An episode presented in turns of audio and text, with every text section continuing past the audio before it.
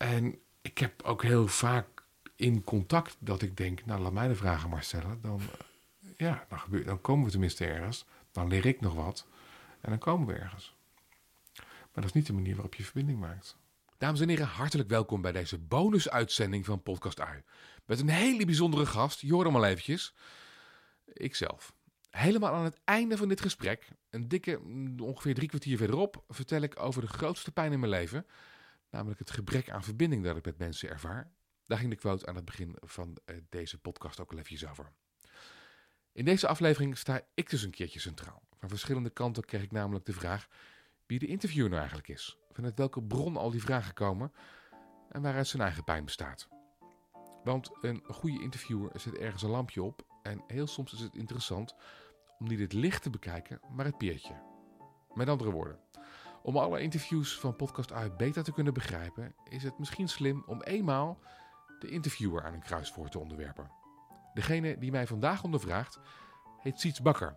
Ze is geen beroepsinterviewer, maar stelt professioneel wel hele rake vragen. En buitengewoon verdienstelijk als je het mij vraagt, maar dat zul je zelf wel horen.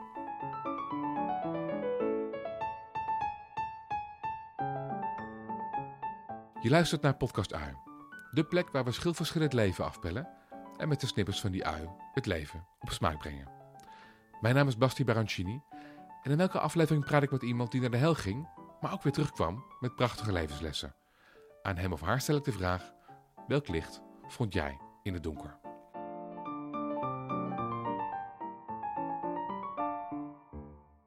Basti, dankjewel dat ik hier uh, jou mag interviewen. Graag gedaan en dankjewel dat jij hier bent. In je eigen serie. Ook dat nog. Ja, en ik vind het zo leuk, want je weet, ik ben een uh, luisteraar van het eerste uur. En ik ben een fan. Uh, want ik hou enorm van de verhalen die je mensen laat vertellen. En ik hou enorm van de vragen die je stelt, die weer net wat verder komen dan al het andere wat ik hoor. Dus daar geniet ik van. Maar ik moet wel bekennen, zo na ongeveer, nou, ik denk de tiende, elfde aflevering, begon het me ook een beetje te irriteren. Oh, wat goed. Want ik dacht, ja, allemaal mensen die naar het donker zijn geweest. en je laat ze over een reis vertellen en terug naar het licht. En dan luister ik en dan denk ik, maar je hebt zelf, oh, je kent zelf de donkerte ook. Mm Maar ik hoorde niks over. En ja, ik werd gewoon nieuwsgierig. Dus ja. dankjewel dat we, het, uh, dat we hier zitten. Ja, toen zei je tegen mij van, volgens mij moet, moet de interviewer geïnterviewd worden. Ja. En dat was de derde keer in een week dat iemand dat tegen me zei. en toen dacht ik, oké. Okay. Ja, bedankt. Nou, misschien moet het dan maar ga, gaan gebeuren. Ja. En hier zitten we dan. Ja, en dan zit ik dan als onervaren interviewer. ik ga mijn best doen, want ik, ik ben gewoon geïnteresseerd. Dus ik ga gewoon de vragen stellen waar ik echt benieuwd naar ben. Ja. En een van mijn eerste vragen is: uh, wat denk je zelf dat je als eerste laat zien? Als jij iemand ontmoet en je presenteert Basti, zeg maar. Wat is het wat je graag voorop zet? Ik denk een, uh, een warmte mm -hmm. uh, en een, een, een, een uitnodigendheid. Of hoe zeg je dat nou? Een, een, nou, vertel je verhaal maar. En dat is ook wat ik heel vaak in het verleden heb gehoord dat, het, dat dat het effect is van mij op mensen. Dat mensen gewoon vertellen zonder dat ze er erg in hebben. En ook wel meer vertellen dan uh, wat ze gehoopt en gewenst hadden. Ja, ja.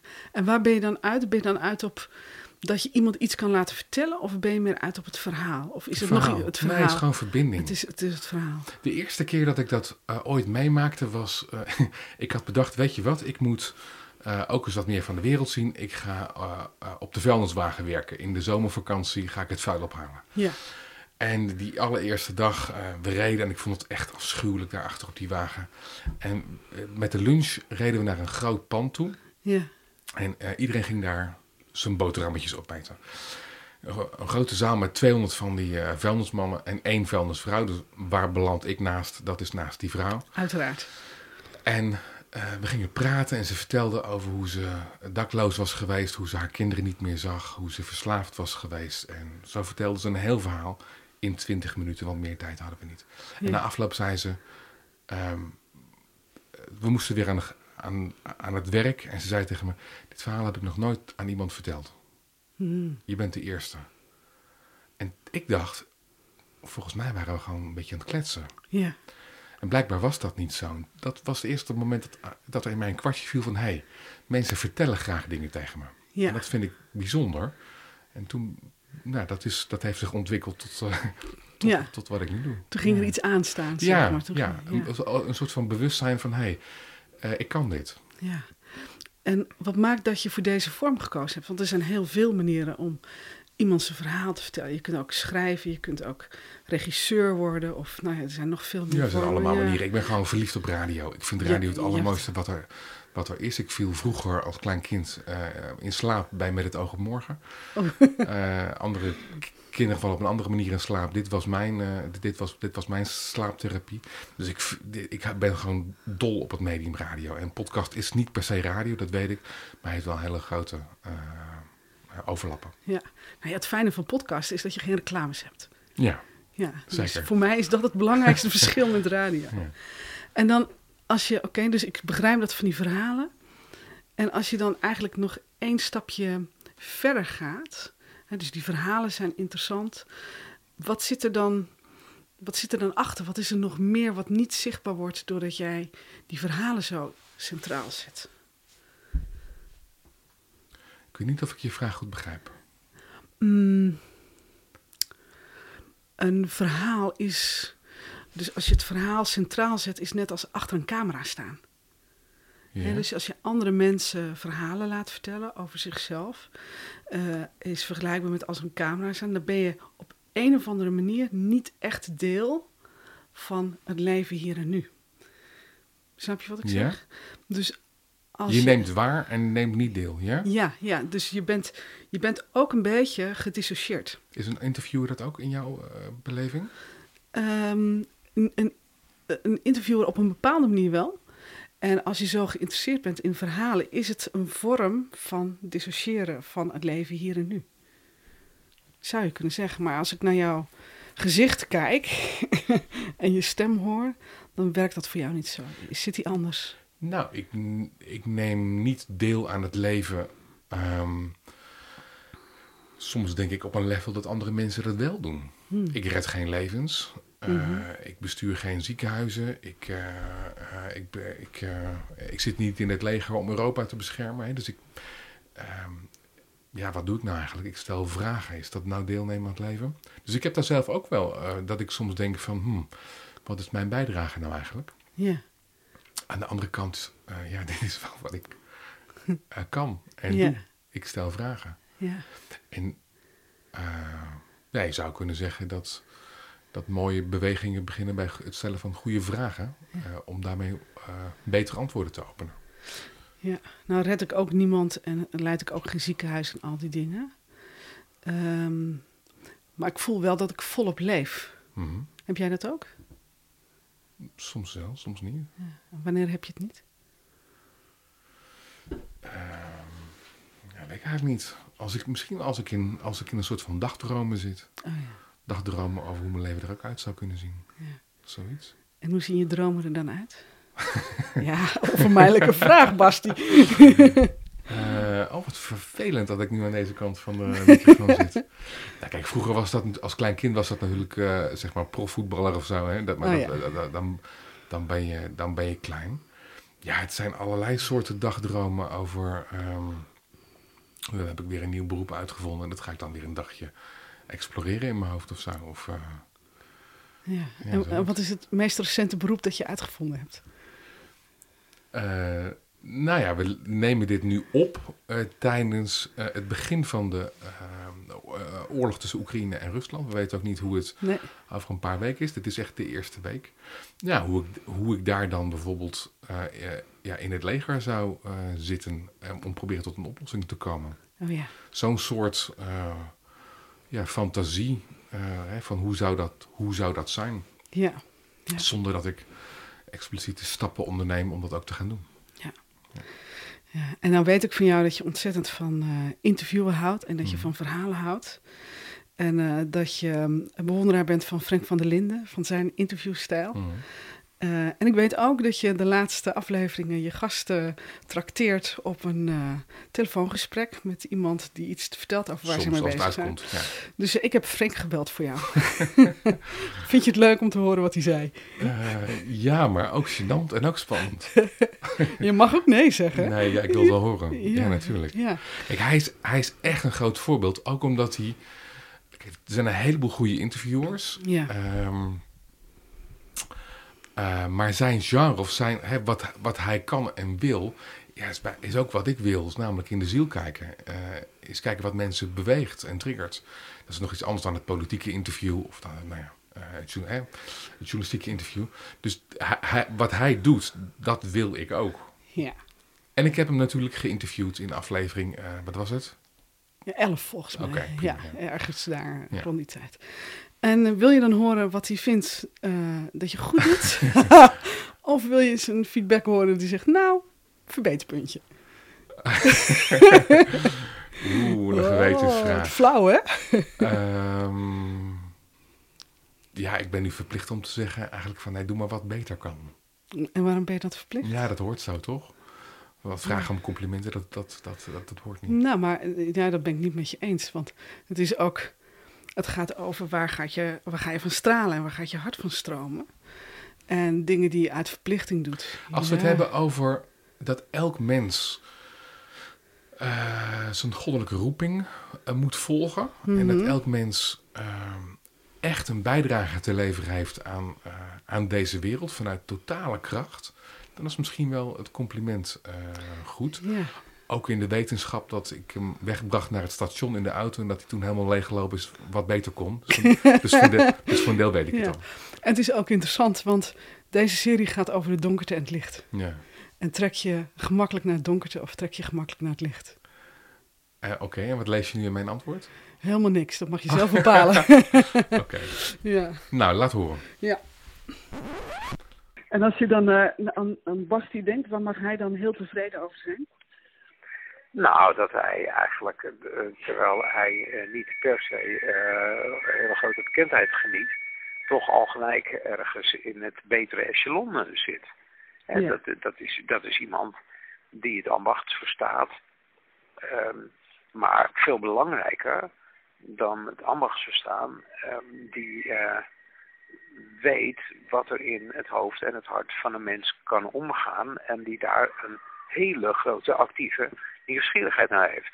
Kijk, ik, Ja. ik zeg altijd uh, tijdens uh, cursussen of uh, masterclasses tussen aanhalingstekens of op redacties waar ik training kom geven van um, vak de techniek, die is eigenlijk volkomen secundair. Waar het om gaat is dat je het vermogen hebt om een klik te maken met een ander mens. En dat wordt heel erg bevorderd door apert belangstellend zijn, open Mhm. geest en de bereidheid om een veronderstelling die je van huis hebt meegenomen los te laten. en dat zijn allemaal elementen die je ziet opduiken in zijn hele attitude. Dat is heel mooi om te horen. Ja. Kun je het ook voelen? Uh, ja, ik kan het. Ja, ja, ja, ja, absoluut. Ik ben echt geïnteresseerd in het verhaal van uh, iemand die tegenover me zit, iemand die iets heftigs heeft meegemaakt. Wat daar wel bij hoort, en dat is meteen een grote maar, is dat iemand wel. Uh, ik, ik hou gewoon van de dingen die niet goed gaan. Ik hou van de pijn. Ik hou van. nou ja, trauma is een groot woord, maar ik, ik hou van dingen die schuren. Daar hou ik van.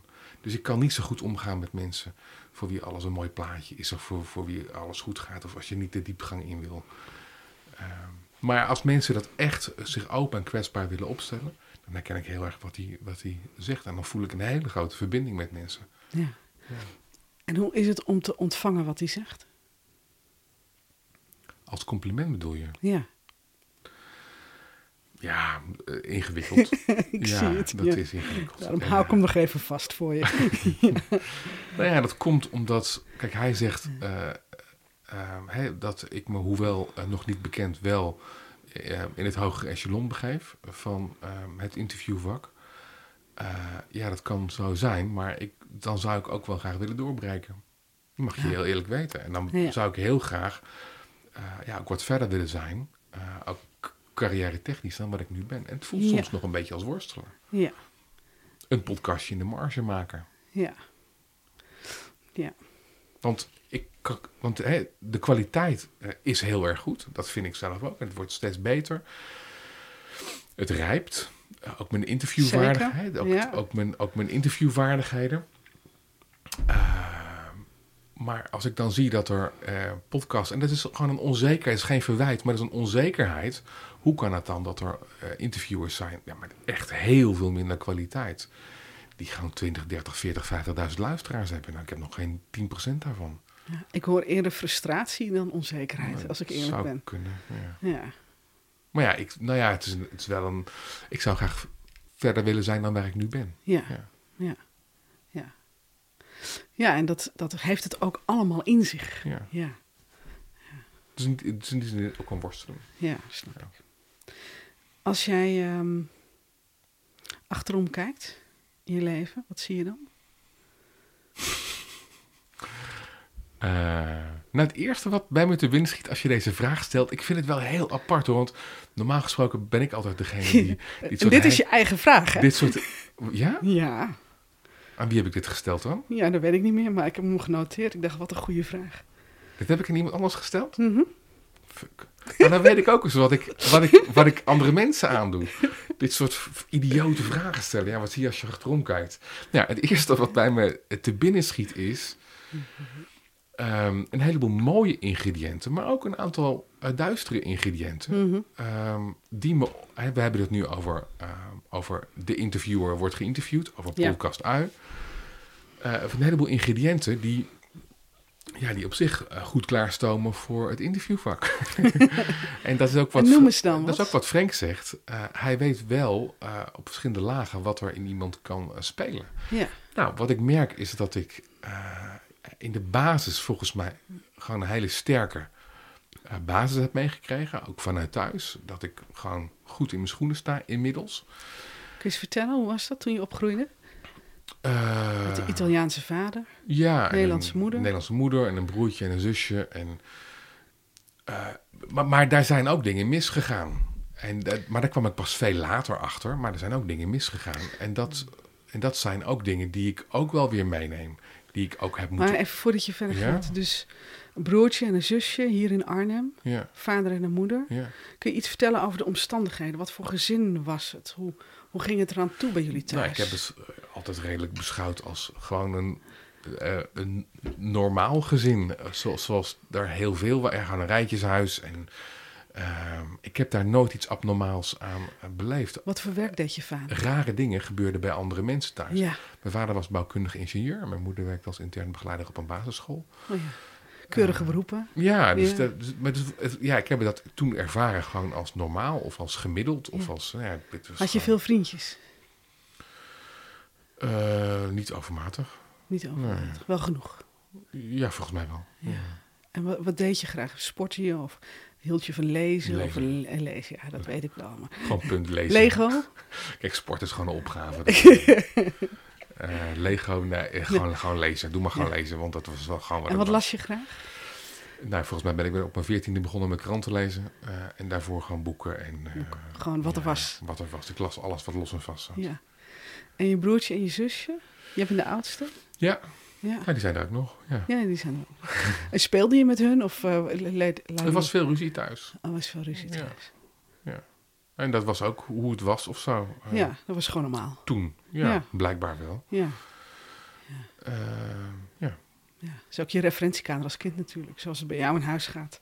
Dat is de norm der dingen. Dat, dat is hoe het eh, gaat. Ja. Nou, wat er gebeurde, ik weet niet hoe ver je wil doorspoelen, eh, maar dat ik, eh, ja, ik leerde een vrouw kennen. Eh, Toen was ik eind twintig Mhm.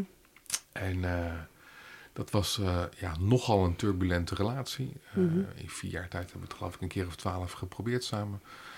Ehm, en daarin ben ik wel, zeg maar, gebroken in de zin, hè, zoals Leonard Cohen dat zo mooi omschrijft. There's a crack in everything, that's where the light comes in. Nou, maar goed gebroken. En daar is ook heel veel licht binnengekomen. Ehm, en daarin heb ik gewoon een heleboel eh, van wat daar is misgegaan vroeger, althans in mijn beleving, eh, ja, is, daar, is daar opgelost. Al, al, moet je daar niet op doorvragen, want dat weet ik ook allemaal niet meer. Dat, zit, dat is gewoon heel, heel erg in de loop. En ik heb heel erg gevonden wat ik hier moet doen op deze wereld. En wat mijn, wat ik, wat mijn kracht en wat mijn talent is. En wat mijn... Maar even voordat je te snel daar naartoe gaat. Ja. Hè? Dus nog even daar blijven. Ik, ik vind het zo mooi hoe je zegt, dat heeft me gebroken. Ja. Want dat is, dat zijn geen, dat is geen klein, kleine uitdrukking. Dat Nee. is echt, dan zeg je iets, eh, iets groots. Ja. Ehm, en het stelt me ook gerust op een of andere manier dat je het zegt. Want als ik naar je podcast luister, Mm.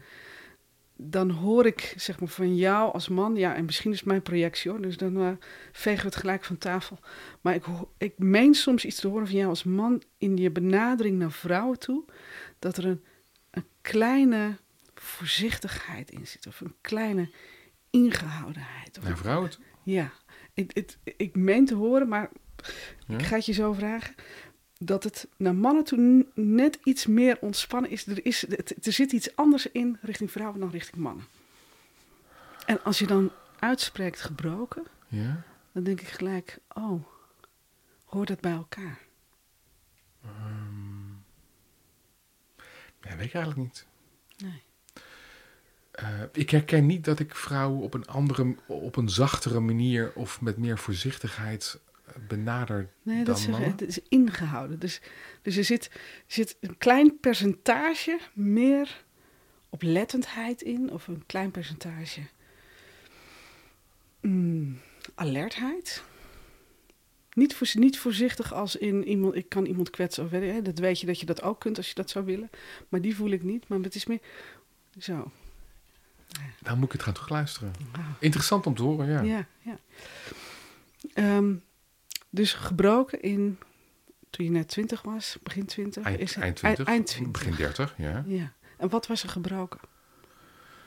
Ehm, nou, misschien wel een oud beeld van wie ik dacht dat ik was. Of een oud beeld van wie ik dacht dat ik moest zijn. Oh ja. Eh, gewoon echt een oude identiteit. Ze zeggen wel eens, je- als mens word je drie keer geboren. één keer uit je moeder, dan een keer uit je vader. En tenslotte uit jezelf. Maar die laatste keer moet ook echt wel gebeuren. En dat is Mhm. ook echt... ehm, kijk, jij bent eh, moeder, dus je weet ook dat een geboorte niet vanzelf gaat. Maar ook die laatste geboorte, dat gaat gepaard met ja, een hoop eh, geweld en oude dingen die eh, ook sterven. Ja, Oude dingen die in jezelf, aan jezelf sterven. ja, ja. En dat, dat vond ik ook heel moeilijk. Het niet leuk om te doen. Nee. Wat was er gestorven dan? Oude beelden van wie ik was. Wie Ja, eh, ik heb het nu zo geïncorporeerd dat ik het, dat ik Je het kan het helemaal niet meer zeggen. helemaal, dat ik het heel ingewikkeld vind.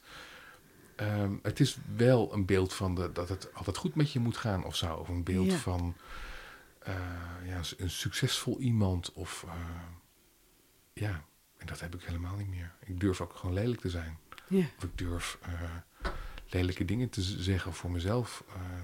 te gaan staan ook als andere mensen het niet leuk vinden. En tegelijk is het verlangen naar succes is er nog steeds. Ja. Ja. En is het dan een ander soort succes dan voordat je gebroken was? Of is het hetzelfde soort nog? ja, dat vind ik Eh, interessant. Ja, nou misschien toch, toch erkenning, maar echt al lang niet meer van iedereen. Oh ja. Nee. Het is meer erkenning van mensen die ik hoog heb zitten. Mhm. Ja. Ja. Dus het hoeft niet meer mooi en goed voor, voor de grote massa te zijn, maar eh, vooral interessant. En dan kom ik dus weer terug, mag ik dat dan toch zeggen? wat ik daar geleerd heb en wat ik is wat ik, eh, is wat ik kom doen hier. Of wat ik, wat ik, wat ik zo fijn vind. En dat is, dat is die pijn. Dat is, die, dat is dat donker. Dat, het daarover hebben. Ik ben trouwambtenaar ook. Dat is, een van mijn, dat is gewoon een, dat is gewoon een bijbaantje. En he- nou, een, heleboel collega's van mij die, die vertellen dan over hoe leuk het bruidspaar is. En hoe succesvol en hoe eh, heel zuurstokroze wordt zo'n ceremonie dan. Ja, ik wil in een ceremonie vooral weten, ook niet vooral, maar ook weten. eh, als een van de twee niet op slag verliefd was. En als een van de twee heeft moeten trekken aan de ander. Of als de een van de twee te laat kwam op die eerste date. Of wilde splitten, terwijl, terwijl dat zij dacht van, nou, nou eikel ben jij dan. Dat maakt het namelijk heel menselijk. En ik ben vooral op zoek naar die menselijkheid. En in de menselijke ervaring horen ook dingen die niet goed gaan. Ja, Daar ben ik gewoon heel erg thuis in. Dat vind ik heel Ja. erg leuk om te doen. ja. Het, je wordt bijna activistisch als je zo praat. Nou ja, dat Als- komt omdat we in deze samenleving zo geneigd zijn om te praten over alles wat goed gaat. Social media en alle mooie plannen. En dit zijn onze intenties. En we hebben het allemaal mooi opgeschreven. Terwijl de realiteit is, is vaak veel complexer en veel meer lager en lelijker dan wat er is. En daar maak ik heel graag ruimte voor. Ja, Gewoon niet vanuit oordeel en zo, maar vanuit eh, dit is wat het is. ja. En toch, als ik er naar vraag hier in dit gesprek, Ja? en het gaat over jou, Ja? dan moet ik wel echt mijn stinkende best doen om er iets uit te krijgen. Ja? Ja. Dus ik snap je interesse Ja? eh, en eh, eh, ik snap je vaardigheid en vermogen om het te doen. En hier in deze ontmoeting scherm je het ook af over jezelf. Oké, wat zou je meer willen horen? Ehm, dat is, het is niet de vraag, wat zou ik meer willen horen? Het is, want dan klinkt het als u vraagt, wij draaien. Mhm. Ehm, en dan mist het authenticiteit. Dus het is veel, mijn interesse gaat veel meer uit naar, oh ja, dus als dit zo je aandacht heeft, zelfs zoveel aandacht, dat je er een complete podcastserie over maakt. En dat je het als trouwambtenaar op zo'n dag ook belangrijk vindt om En in als te brengen. dagvoorzitter overal waar En als dagvoorzitter en in alles wat je doet. En dan hier Mhm. ehm, is het er bijna niet, is er bijna geen ruimte voor. Oké. En dat, dat, dat vind ik boeiend. Dan denk ik, oh, dus ik heb 300 vragen in mijn hoofd. Dus ik, ze vechten om aandacht allemaal. Dus Mhm. ik laat ze allemaal even met rust. Mhm. Ehm, en ik ga je gewoon een heel andere vraag stellen. Als we het hebben over ehm, soorten donkerte. Mhm. Dus eenzaamheid als soort donkerte of eh, angst of schuld of schaamte of zo. Wat is het soort donkerte dat jij goed kent? Zonder dat je er gelijk iets over hoeft te vertellen. Eenzaamheid is wel een, dat is er wel eentje die ik wel goed ken, met name Mhm. de laatste jaren. Ja, Ja, en een soort donker, maar ik weet niet wel wat voor woord je daar aan moet geven. Ehm, een donkerte van echt het gebroken zijn, van, of van doorbreken, van dat het gewoon echt letterlijk fysiek niet goed met je gaat. Hmm. Dat je. nou, ik herinner me nog uit die tijd. eh, dit speelt voor mij nu 7, 8 jaar geleden of zo. Dus ik, heb het niet helemaal paraat. Ehm, Mhm. eh, een moment waarop ik bijvoorbeeld een glas eh spinazie shake liet vallen in mijn slaapkamer. Er een handdoek overheen legde.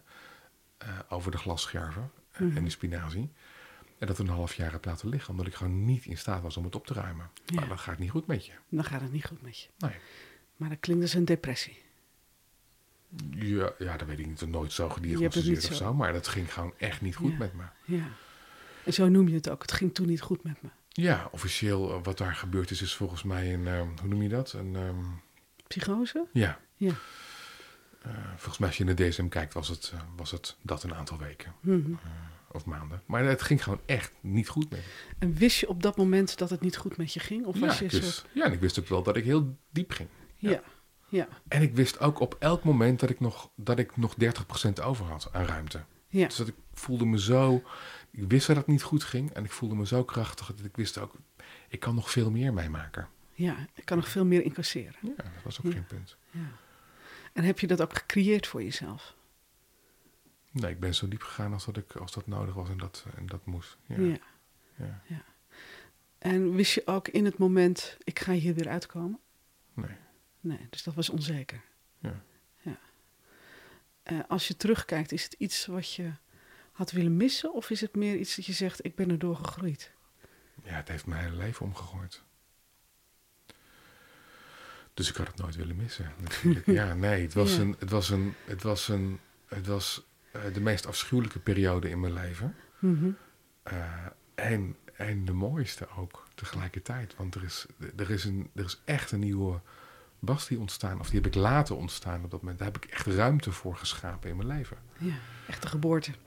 Ik heb daar, ik heb eh, nou best wel wat eh, maanden eh, niet gewerkt. Misschien, misschien was het wel een jaar of misschien nog wel langer. Mhm. Of nauwelijks gewerkt. Echt om ruimte te maken voor dit hele proces. Ja. Ja. En als En dus echt die, die pijn en dat verdriet ja, in die klauterij inges- in- ingedoken. En als je dat hebt meegemaakt, herken je het dan ook bij anderen die dat meemaken of meegemaakt hebben? Zie je dat bij anderen? Ja, maar voor deze podcast is dat altijd al voorbij. Ja. Ik, ik, Ja. ik interview mensen nooit als ze er middenin zitten. Nee, dat begrijp ik. Nee, dat begrijp ik. Maar, Maar, ik zie het, ik, ik, ik herken het zeker, ja. ja. maar het is wel van een orde dat als je dat hebt meegemaakt Ja, en je ontmoet iemand anders, Ja. dat, dat je een soort van resonantie daarop ja hebt. zeker. En ook dat je weet met z'n tweeën hoe ver je kunt gaan. En daar ook niet voor terugschikt. Ja, precies. En ik ben dus ook op geen enkele manier meer eh, bang daarvoor. Of, ik, oh, weet je, eh, of als, ik, als ik mensen interview, ook die nare dingen gedaan hebben. Ja. Er is recent een aflevering verschenen met Jan, de pedoseksueel. Daar was ik lichtjes zenuwachtig voor, omdat ik dacht, oei, nou, dat, eh, ik ben toch benieuwd wat zijn verhaal zal zijn. Ja. Eh, maar zelfs daarbij word ik op geen enkele manier uit balans gebracht. Dus ik herken gewoon dat het een tijdje niet goed met je kan gaan. Dat je er ook weer uit kan komen. Ja. Punt. That's it. Het enige verschil ehm, wat, voor, wat er voor mij toe doet, Mhm. is of je er wel of niet open en eerlijk over bent. Hmm. Dat is het enige. En waarom is dat zo belangrijk? Omdat ik gewoon heel graag praat met mensen die, wa- waarbij dingen niet goed, niet goed gaan, die er gewoon eerlijk over vertellen, omdat ze er lessen uit trekken, Ja. dan mensen die proberen een façade op te houden. Daar kan ik persoonlijk niet zo heel veel mee. Oh ja. Mhm. Ja, dus, dus daar zit bij mij iets van, ja, eh, Ja. ja.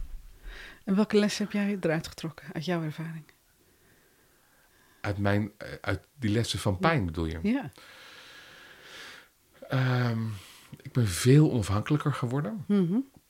Veel minder gericht op anderen. eh, zeg maar ook emotioneel afhankelijk van andere mensen. Van eh, vrouwen met wie ik een relatie had, maar ook vrienden. eh, maar gewoon eigenlijk iedereen in mijn leven. Ik ben veel meer naar mijn innerlijke kompas gaan luisteren. Mhm. En dat klinkt misschien klein, maar als je 30 jaar het innerlijke kompas van andere mensen hebt gevolgd, Mhm. dan is jezelf volgen is echt een hele grote stap. Dus onderschat dat niet. Eh, ja, en ik, ja, nogmaals, ik heb mezelf leren kennen. In wat ook voor mij belangrijk is. Ja. En daarmee ben ik, zou je kunnen zeggen, mijn eigen leven gaan leiden. Pas voor het eerst na 30 jaar. Al na 30 jaar zou je ook kunnen zeggen. Nou ja, kan Ja. dat. Ja. In plaats van het leven wat ik dacht dat ik moest leiden, of wat andere mensen hadden gedacht dat ik moest leiden, of waarvan de maatschappij denkt dat je het moet leiden, et cetera. Ja, en wie of wat heb je erbij geholpen? Of heb je het echt helemaal op eigen benen gedaan? Ehm, nou, er zijn eh, hier en daar een aantal mentoren langsgekomen. Mhm. eh, voor een aantal eh, uren of een aantal jaren. Hè, Ja, ja, zoals dat gaat. Zoals dat gaat. Mensen die je een boodschap meegeven of mensen die, je die een kwartje laten vallen. Dat kan zijn in de vorm van vriendschappen. die soms jarenlang duren. En soms echt een quote in een krant. Die pats, boem, dat, dat is het. Eh, ja, zo, op die manier. Maar het Ja. is een hele individuele weg, Ja. is mijn ervaring. En als je het hebt over individuele weg en over eenzaamheid, hoeveel Ja. eenzaamheid is er op dit moment in je leven? Eh, je bent niet de eerste die, die dat vraagt deze, Ja. deze week of deze maand. Ah, Ja. Ehm, dat is geheim. En wat zeg je dat? nou, dat ik, dat ik denk dat mensen dat misschien ook wel zien aan mij. Hmm. Dat er, dat er een stuk eenzaamheid zit. Ja. Ehm, ja, ik voel niet altijd evenveel klik meer met mensen. Hmm. En dat klinkt misschien gek voor een interviewer of voor eh, eh, iemand die heel erg geïnteresseerd is in, in dit soort verhalen.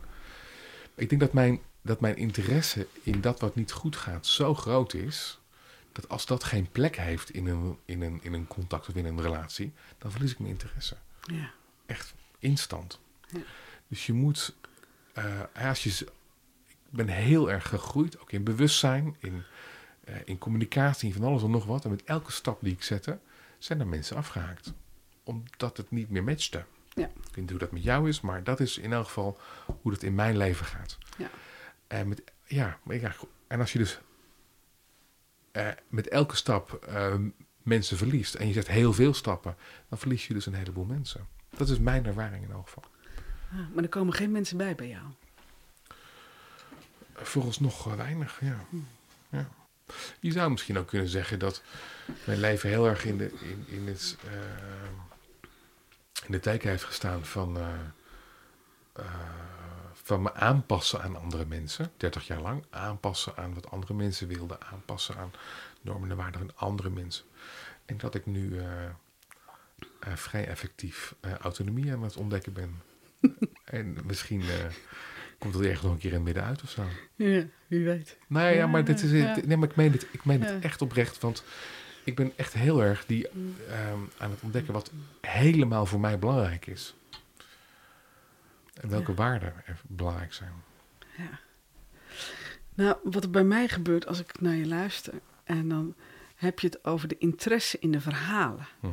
En niet, het gaat niet over mensen, het gaat over de verhalen. Dat is wat je in je taal uitdrukt. Oké. En dan denk ik, nou, dan snap ik het wel dat er eenzaamheid is. Want als je aandacht meer naar het verhaal gaat dan naar de persoon. En er vallen mensen af omdat jij je ontwikkelt. En er komt tegelijkertijd niks bij. Mhm. Dan, ehm, dan, dan zijn de echte contacten en die lijnen die worden dunner en dunner en schaarser en schaarser. Mhm. Hoe, hoe maak jij echt contact? Hoe doe jij dat? Of doe je dat eigenlijk nooit echt? Ja, ik wil heel graag contact maken. En volgens mij doe ik dat ook. eh, is die intentie en die, en die wens is er ook. En ik begin er ook wel vaak aan. Ja, Ja, maar ik kan ook afhaken als ik voel dat we op bepaalde hele elementaire dingen geen raakvlak hebben. Dus dan blijf Oh, ik ja. wel contact hebben, maar dan is, dan is de verbinding minder. ja, een soort eh, bovenlaagje alleen. Ja, van onderlaagje of zijlaagje. Ja, ja, ja, ja. Dus dan deel je maar een, een, een, deel van wat, er, van wat er is. ja. En heel soms, één keer per jaar of één keer per twee jaar, ontmoet ik iemand bij wie ik denk: Oh, dit is helemaal. Ja. En dan, eh, nou, dan leer je elkaar kennen en dan, dan nuanceert dat zich dat ook weer. Ja, zoals dat gaat. ja. Herken je dit of is dat heel raar wat ik nu zeg? Bedoel je dat ik het herken bij mezelf? Ja. Ehm, nou, het is sowieso niet heel raar, want je zegt het en het is jouw werkelijkheid. Mhm. Dus ook ik ben geïnteresseerd in de verhalen en de mensen. En ik vind alles even boeiend om te horen. Maar bij mij werkt het wel een beetje anders. En ik kan me ook goed voorstellen, omdat het komt voor een deel omdat mijn leven ook heel anders is. Ik woon met een gezin, dus er gebeurt in de interactie, in de dynamiek en de contact en de lagen gebeuren sowieso heel veel andere dingen dan wanneer je alleen woont. Het is heel Zoals ik, ja. Heel, heel plat misschien, maar ik denk wel dat dat een grote bijdrage speelt. Een grote rol speelt. En ik heb ook lang alleen gewoond, dus dat gevoel van eenzaamheid en het zoeken naar zinvolle contacten en relaties met mensen om je heen, die op geen enkele manier verplicht zijn om in je leven te zijn en vice versa. Dat is soms gewoon best wel een klus. Ik heb ook natuurlijk eh, in die zin ook de luxe om af te haken. Ja, Ja. Ja. Dus, Jij, eh, jij kunt niet afhaken bij je kinderen. nee, zou ik dat willen, zou ik dat niet kunnen. Nee, nee. Ik moet zeggen, ik haak wel eens af op hun vriendjes, maar dat is een ander verhaal. Dat is oké. Ja, ja dus eh, ja. Ehm, nog even iets heel anders, als het mag. Want dat was ook een die me zo opviel, dat op een of andere manier er iets van eh, dader- en slachtofferdynamiek ook zo doorklinkt in, in, in die podcast. Ja, we doen even een andere bocht. Je legt hem wel op de snijtafel. Ja, ja, tuurlijk. We zijn er nou toch. Dus, eh. en ik vind dat leuk, want ik voel bij mezelf bijvoorbeeld heel veel daderschap in mij. Mhm. Terwijl ik ook zie dat het veel gemakkelijker lijkt te zijn om je slachtoffer te voelen. En dat vermogen om te zeggen van nou, dan niet. En, en, en ergens mee te stoppen, hè, wat je net beschrijft, herken ik ook bij mezelf. En ik merk dat het mij enorm in contact brengt met mijn eigen levenskracht. En ik bespeur het bij jou ook. Je- eh, ja, en Het- waar heb je het eh, over? Over daderschap. Dus dat je, je van jezelf een dader zou kunnen maken. Mhm. Dat is wat, wat er doorklinkt voor mij in, in je podcast. Ja, en Dus ik check even bij je. Herken je dat? Ja, en dan in de vorm dat je heel erg voor jezelf kiest en een ander daarmee. Dat je bereid bent Ja? om een ander schade toe te brengen als jij daar moverende reden voor hebt. En dat is niet omdat je slecht bent of omdat je vals bent, maar dat is omdat je een, ehm, eh, er niet bang voor bent om het te doen. Dus je bent in staat en bereid om dat te doen als het nodig is. Ehm, ja.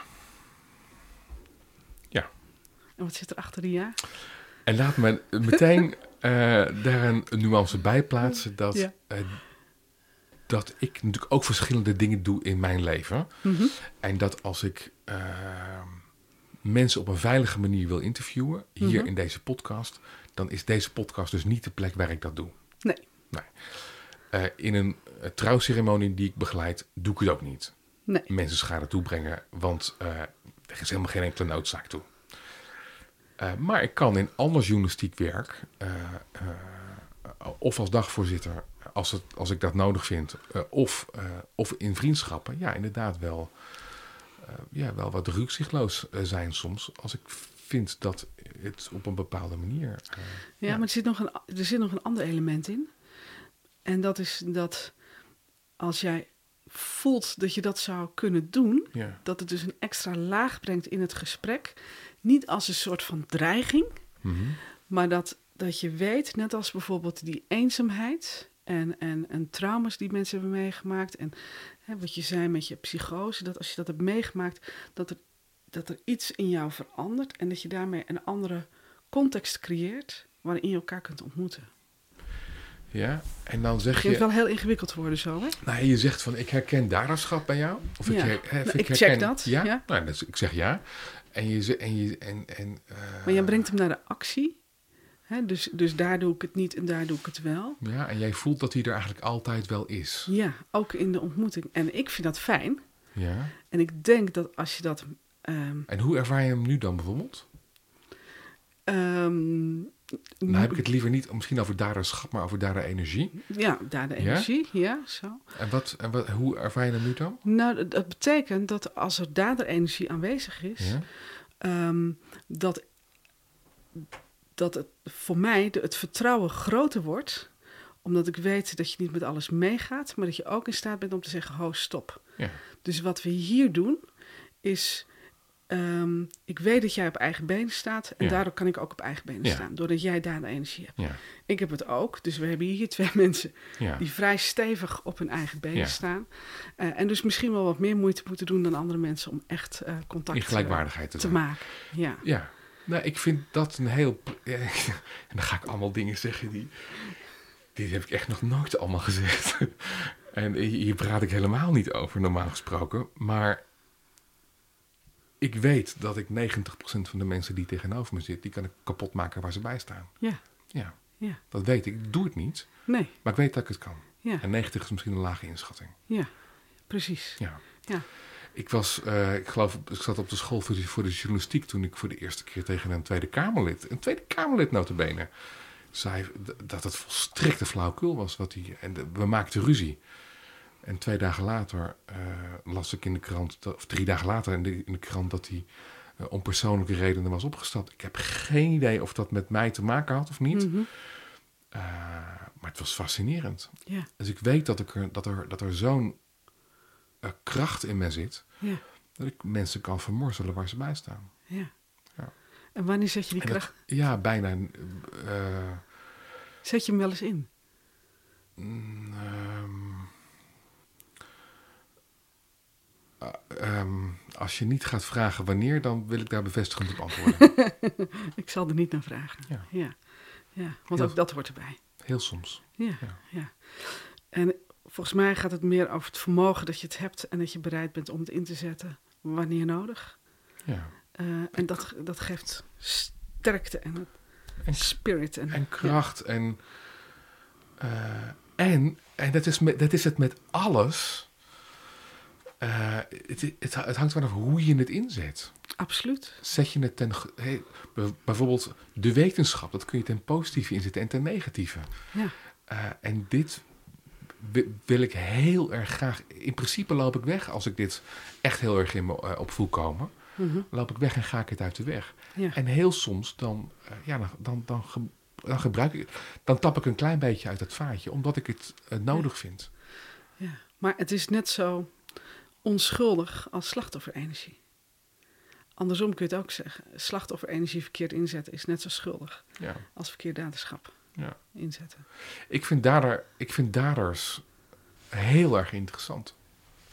En ik vind praten over daderschap en daderenergie heel erg fijn en heel erg interessant. Ik vind het interessanter dan praten over, eh, ja, dan over, slag, dan, ja, over slachtofferschap. En, mensen halen daar heel veel identiteit uit. Ja, eh, en kunnen. ehm, ja, we zijn geneigd om daders te excommuniceren. Die horen, er, Precies. die horen er niet meer bij. ja, Terwijl het geeft enorm veel levenskracht. En, eh, en het, het is er ook gewoon. ja. ja. En, en is, ligt je interesse in trauma in het verlengde hiervan? Ook, maar niet per se. Niet per se. nee. Dat is nog weer een andere hoek. Nee, want ook, ook slachtofferschap zit ook in mij. Ja, ja, precies. Want ik ben ook slachtoffer van de omstandigheden. Ja. Alleen vind ik het veel interessanter om te kijken naar, eh, naar waar het ook daderschap wordt. Ja. Maar dat is een persoonlijk interesse. En als je nu kijkt naar je podcastserie, hè, hoe ver die Mhm. nu is, is er nog iets waarvan je zegt dat zou ik nog heel graag willen toevoegen? Heb je nog een geheim wensenlijstje? Aan deze serie? Ehm, nee, ik geloof het niet. Nee, gewoon lekker doorgaan met, eh, met al dit soort eh, ja, mooie, bijzondere mensen. Ik zou nog iets meer daders willen. Ehm, misschien mag het iets algemener, misschien. Wat minder op trauma en wat meer... Het begon heel erg als... eh, hoe ben je gevallen en hoe ben je weer opgestaan? Ja, en dat zou me kunnen voorstellen dat je rond aflevering eh, 50 of 70 of 100, zeg maar wat, dat je gaat evalueren naar, eh, ja, naar iets genuanceerder. Je hoeft niet helemaal te zijn gevallen om ook een interessant verhaal te kunnen vertellen over, eh, over jezelf of de dingen die niet goed gaan. ja. Dus dat zou ik me kunnen voorstellen dat het zich in die eh, hoek ontwikkelt. Ehm, maar verder geloof ik niet. ik verheug me erop. Ik heb nog één laatste quote van Frank, als Ja. je het leuk vindt. Zeker. Even kijken, zal ik hem even aanzetten? Ik heb nog één laatste vraag. Want Ja. morgen eh, spreek ik Basti. Welke vraag zou ik hem moeten stellen? Ehm, wat is er met je aan de hand? Ga ik doen. Je hoort het antwoord in de podcast. Ja, ja. Wat is er met je aan de hand? Wat is er met mij aan de hand? Ja. In welke context? In wel, wel- op wat voor manier? Ik vroeg aan Frank welke vraag zou ik Ja. Basti vooral moeten stellen. En hij komt gelijk met: Wat is er met jou aan de hand?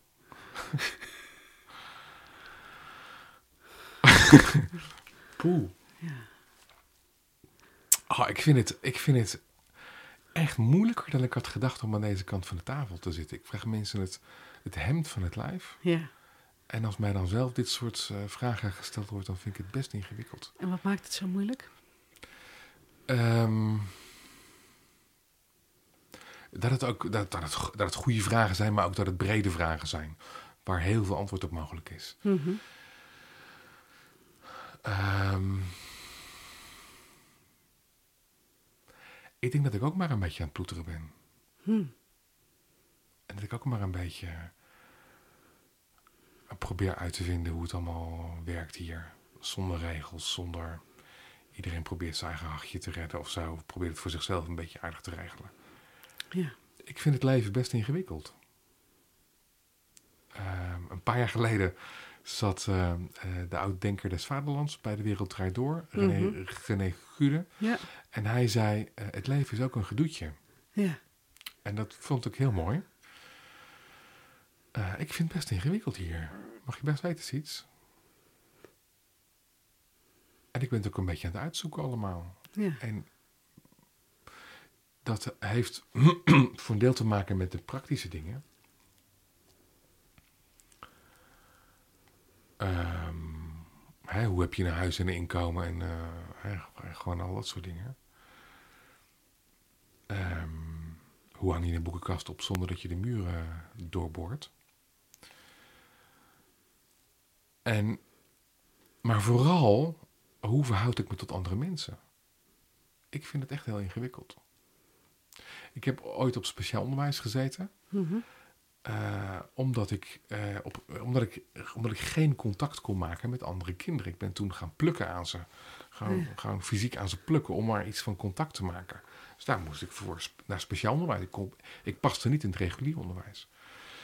Nou ja, eh, ehm, ehm, dat een beetje bijgeleerd. Maar Konden jouw ouders je niet leren hoe je contact moest maken? blijkbaar was het op een, op een aparte school was dat, was dat beter om te doen. Toen ik weer terugging naar normale school, toen ja, ontdekte ik dat andere kinderen waren eigenlijk niet geïnteresseerd. Of er was geen contact. Mhm. En ik ontdekte toen dat als ik een vraag stelde, kreeg ik in elk geval antwoord. Ja. Was er iets van contact? En als ik twee vragen stelde, dan was het contact langer. Mhm. En stelde ik drie vragen, dan was het contact nog iets, nog iets langer. Dus ik heb altijd ja, daar blijkbaar geleerd dat als je vragen stelt, dat er iets van verbinding is. Ehm, ja, blijkbaar kun je daar je beroep van maken en je geld mee verdienen en eh, op het podium staan en, eh, en een podcast maken, et cetera. Kun je ook verbinding maken door vragen te beantwoorden? Ik ervaar dat er heel weinig mensen zijn die goede vragen stellen of, oprecht geïnteresseerd zijn. Ja. In dit gesprek ervaar ik het wel. Ja. En vind ik het gelijk heel moeilijk om te doen, omdat ik, het, omdat ik er bijna geen ervaring in heb. Ja. Ah, dat is wat ik gevoeld heb in dit gesprek. Het zou kunnen. Ja. Er zijn heel weinig mensen die ehm, echt vier, vijf, zes, zeven, acht vragen achter elkaar kunnen stellen. Met oprechte interesse, zonder ehm, ehm, het op zichzelf te betrekken of naar zichzelf toe te gaan. Of eh, dan weer een ander pad te nemen. Heel weinig mensen die op een goede manier vragen stellen en echt oprecht geïnteresseerd zijn. En dat doet pijn. Ja. Doet mij in elk geval heel veel pijn.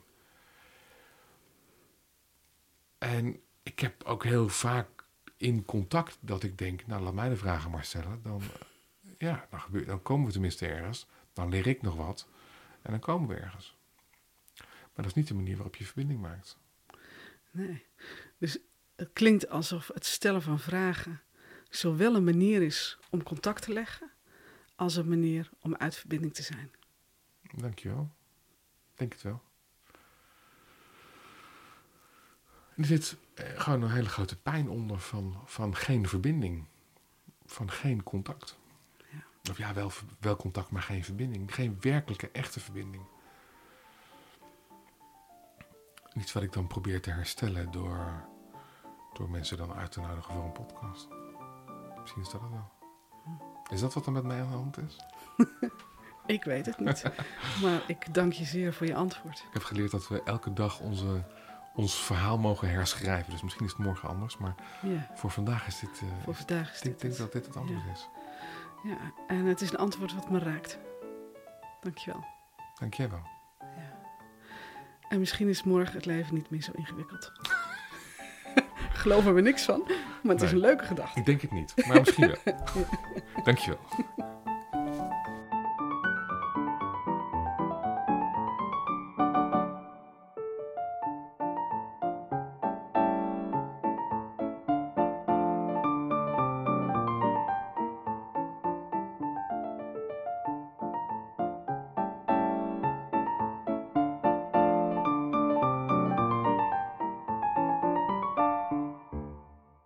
Dankjewel. Fijn dat je luisterde naar deze bonusaflevering waarin Siets Bakker mij ondervroeg over de podcast en mijn eigen achtergrond.